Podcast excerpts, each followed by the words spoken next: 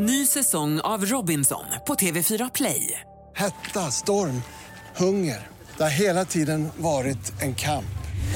Nu är det blod och tårar. Fan händer just nu. Det. är Detta är inte okej. Robinson 2024, nu fucking kör vi! Streama söndag på TV4 Play. Du lyssnar på poddversionen av Senaste nytt från Expressen TV. Välkommen eh, till Senaste nytt denna fredag den 8 februari med mig Johanna Gräns. Och med mig Jenny Pierrot. Det har blivit dags för nyheter och det här är våra rubriker. Nya siffror visar på revansch för Ulf Kristersson om det vore val idag.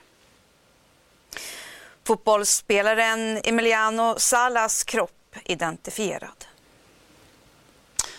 Och USA stoppar Maduro-anhängare att komma in i landet. Mm, det och mycket mer, men vi ska börja med en brand, eller hur Jenny? Ja precis, vi ska till Göteborg där en person har förts till sjukhus efter en brand som utbrutit natten till idag.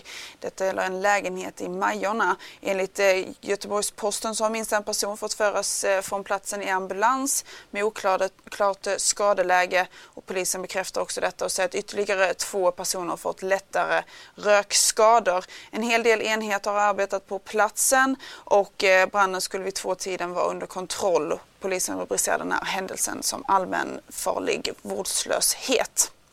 Och med det så ska vi gå över till politik. Men det ska vi faktiskt för moderatledaren Ulf Kristersson. Han återhämtar eh, sig nu och statsminister Stefan Löfven och hans mittenpakt åker på ett rejält bakslag. Det här visar siffrorna i Expressens och Demoskops mätning för februari månad.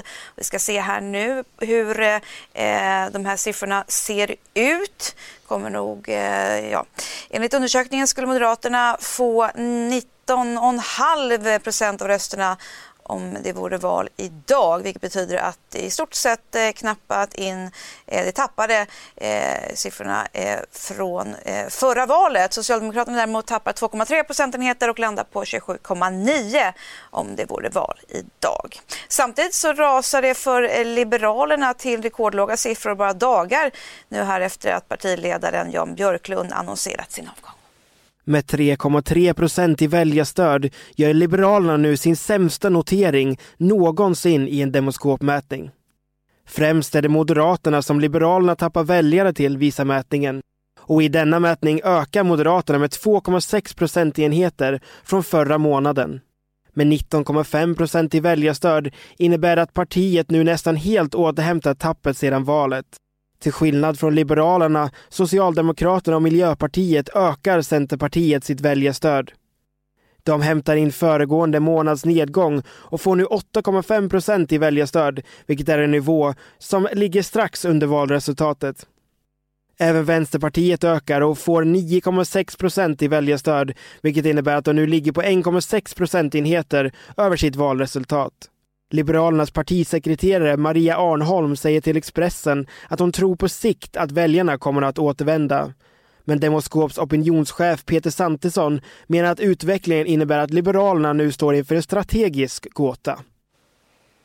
Mm, jag ska också säga att det här är inte några statistiskt eh, eh, eh, eh, säkerställda ska jag säga, eh, förändringar sedan den föregående mätningen. Vi ska nu till eh, Oxelösund där ett fartyg har gått på grund.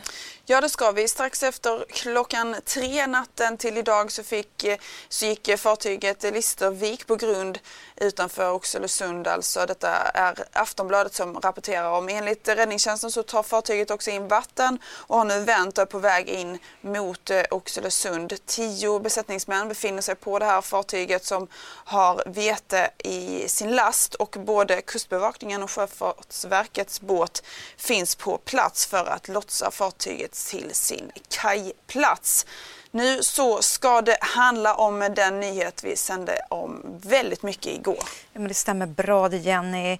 Det var ju ett flygplan som tvingades vända tillbaka till Arlanda efter ett bombhot på eh, torsdags förmiddagen. Ombord fanns 169 passagerare och när man kom tillbaka till flygplatsen möttes man av poliser, bombhundar och eh, insatspersonal. Och polisen jobbar med ärendet och Norwegian, flygbolaget, de har bekräftat bombhotet mot planet. Ja, långt, långt borta så ser ni alltså Norwegian-planet som står kvar här på Arlanda efter att ha fått vända. Ja, det var dramatiska timmar för de 169 passagerarna ombord på flygplanet som var på väg mot Nice på franska rivieran. Bara en kort stund efter avgång kom det in ett bombhot mot planet som tvingades vända tillbaka till Arlanda innan det hunnit lämna svenskt luftrum. Vi samlar in information, vi agerar på den informationen som behövs agera på. Bombhotet kom in till sjö och flygräddningscentralen vid 10.39 och kvart över 11 var man nere på marken igen. Ambulans och polis var snabbt på plats och även gränspolis och insatsstyrkan var med i arbetet. Strax efter ett-tiden såg Expressens utsända hur bombhundar sökte av området runt planet och kort därefter började evakueringen. Nu går ju folk av här och det verkar ju vara barnfamiljer som har kommit av först. Men nu ser vi en radda här som kommer framför planet. De som kom ut visiterades av polis och en av passagerarna berättade i ett sms inifrån planet att nu ska vi få gå av så småningom i grupper om tio. Vi ska tydligen tas om hand och visiteras av polisen när vi kommer av. Pertti Anberg såg landningen från Arlandas utsiktsplats. Vi såg att planet landade helt normalt men eh, stannade sen andra ändan vid flyglandningsbanan. Och eh, sen strax efter det så började det komma bilar på blåljuspersonal. Norwegian har bekräftat bombhotet mot flygplanet. Då detta är ett polisärende kan vi inte gå in på detaljer kring själva bombhotet, men vi ser väldigt allvarligt på det. Fokusen är på våra passagerare och besättning, skriver Norwegians kommunikationschef Charlotte Holmberg Jakobsson i ett sms till Expressen. Ett tiotal av passagerarna som var ombord på planet är med i svenska simlandslaget, bland annat Therese Alshammar. Ja, sökandet efter den 28-årige argentinske fotbollsspelaren Emiliano Sala har pågått i flera veckor. Men igår kväll så meddelade polisen på sin hemsida att den bärgade kroppen som hittats i onsdags nu identifierats och att det var fotbollsspelaren som hittats ur flygplansvraket. Salah hade ju precis sålts till Premier League-klubben eh, Cardiff och för två veckor sedan så lämnade han franska Nantes i ett eh, privatplan någonstans över den engelska kanalen försvann spåren och sedan dess så var sökandet efter 28-åringen en världsnyhet. Mm. Vi ska nu till eh, Sydamerika och till Venezuela där flera anhängare nu till landets eh, president Nicolás Maduro nu inte längre kommer att få en beviljad inresevisum till USA. Det här annonserade amerikanska myndigheter igår. I would like to state that we are imposing visa restrictions and revoking the visas of members of the illegitimate Constituent Assembly. This body has usurped many of the constitutional powers of the National Assembly, the legitimate National Assembly, and embodies Maduro's destruction of democratic institutions. While I cannot name names because visa information is protected, I can state that we will continue to take action against those destroying Venezuela's democratic institutions. Thank you. Thanks, Robert. Um, uh, just on the um, contact group, you mentioned at the beginning that 23 European countries Igår så dömdes en spårvagnschaufför i Göteborg till rättspsykiatrisk vård för att ha mördat sin fru och deras gemensamma barn. Det här är bara ett i raden av liknande fall som skakat Sverige de senaste åren.